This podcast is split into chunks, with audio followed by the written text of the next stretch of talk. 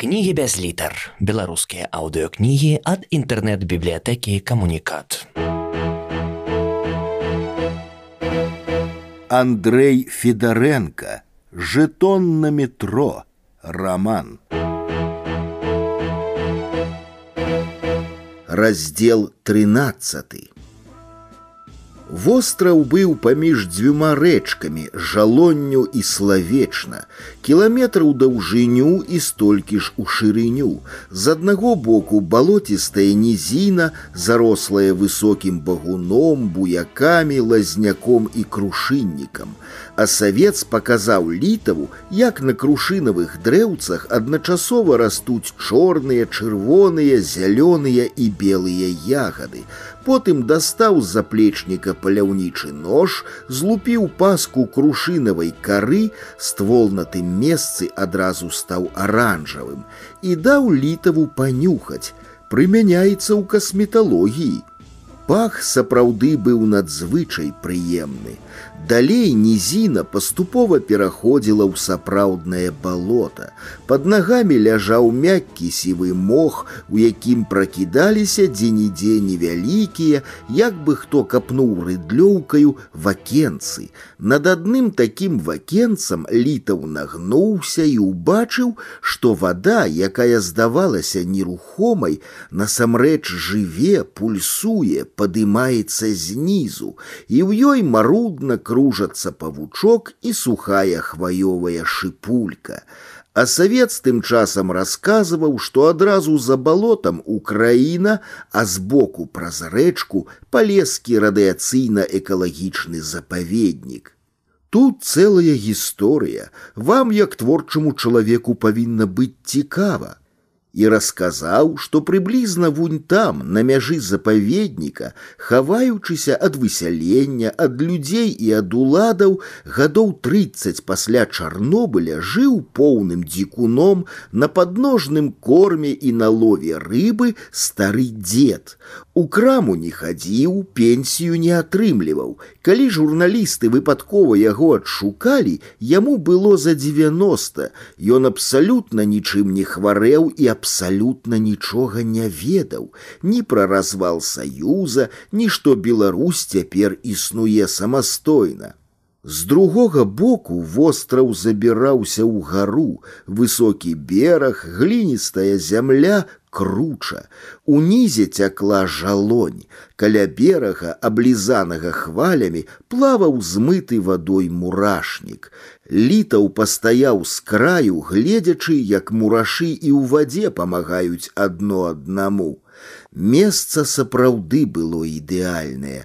Калі не лічыць следу даўняга вогнішча, практычна дзікі востраў паміж багны і мшараў і вады. Але літаў асаблівага захаплення не выказваў, увогуле слухаў няўважліва, адказваў недарэчы і ўсё зазіраў у планшетнік. Цэлы дзень не магу дазваніцца да жонкі і ад яе нічога. Тут сапраўды трафік прападае. Ды не, баюся не ў трафіку справа. Хмель праходзіў і адначасова ўзрастаў неспакой. Гэта будзе ўсё жахліва, гэта будзе ўсё жахліва. Круцілася ў яго галаве дурной мелодыяй. Потым ішлі па лясной дарозе, дзе чакаў іх шафёр з машынай, прадзіраліся праз хмызняк, адгінаючы пружыністыя галінкі, якія балюча сцябалі па вачах. Назад у мястэчка вярталіся іншым маршрутам па, як назваў асавец старым кіеўскім шляху. А ведаеце, мы ўжо разоў дзесяць парушылі закон аб дзяржаўнай мяжы, сказаў ён. Тут яна зігзагамі, як зубы ў пілы, то Украіна залазіць у Беларусь, то наадварот. Вось мы і едзем то па беларускай тэрыторыі, то па украінскай. Але і на гэта прамаўчаў літаў. Крыху зацікавіўся ён, калі праязджалі праз дуброву, цэлы лес, цёмны ад ценю. Джип асцярожна перавальваўся праз тоўстыя карані, на палянцы пры дарозе у прастакутніку загародкі з чатырох жэрдак стаяў крыж, абвязаны белымі ручнікамі з чырвонай вышаўкай, зверху дзве дошкі з трэшкаю. Такія можна ўбачыць ледзь не ў кожнай палескай вёсцы на разгалінаванні вуліц, а савец пачаў расказваць, што гэта сакральнае месца. Нехта некага тут у вайну пастраляў, ці то венгры партызанаў, ці партызаны венграў, але мясцовыя людзі на гэтым месцы ўкапалі памятны крыж. Таких много по лесе і тут, і на украінскай тэрыторыі, і пад кожным пахаваны чалавек. Цікава і тое, што некаторыя крыжы маюць уласнае імя. Напрыклад, гэты называецца каралеўскі.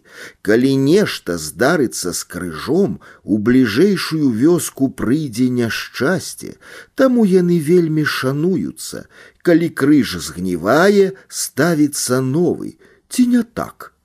Хто ж гэта робіць, укопвае новы крыж і мяняе ручнікі. Мясцовы люд раней думалі, што дзед, але дзед памёр, а крыж за адну ноч паўставаў новы з новенькімі даматканымі ручнікамі. Нарэшце джип выехаў з лесу на пагорак. Унізе рассцілаўся луг, адсюль з пагорка ён нагадываў вялікую разгорнутую кнігу. Па баках узвышэнні пасярэдзіне лагчына. У лагчыне праз перасохлы ручай была насыпная дарога. Калі спусціліся і марудна паехалі па ёй, літаў зірнуў знізу в акно.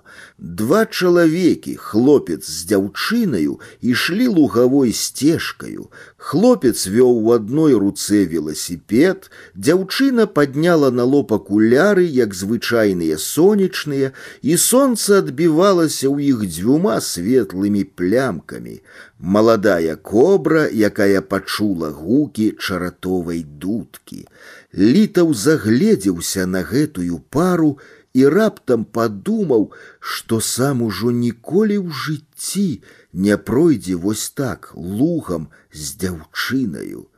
Але калі б можна было, што б ён аддаў за такую магчымасць, і сам сабе адказаў: усё усё сваё мінулае, цяперашняе і будучае, матэрыяльнае, ды і духоўнае таксама.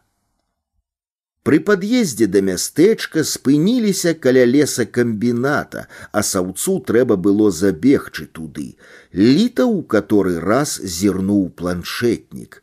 Гэта мне ўжо зусім не падабаецца, прамармытаў ён. Жонка цэлы дзень маўчыць, у мяне самыя нядобрыя прадчуванні. Так, сказаў шафёр. Телефон не ловіць толькі ў адным месцы, у бункеры, у лёхах. Я ведаю, што туды не патрапіць, але цяпер пачынаю сумнявацца.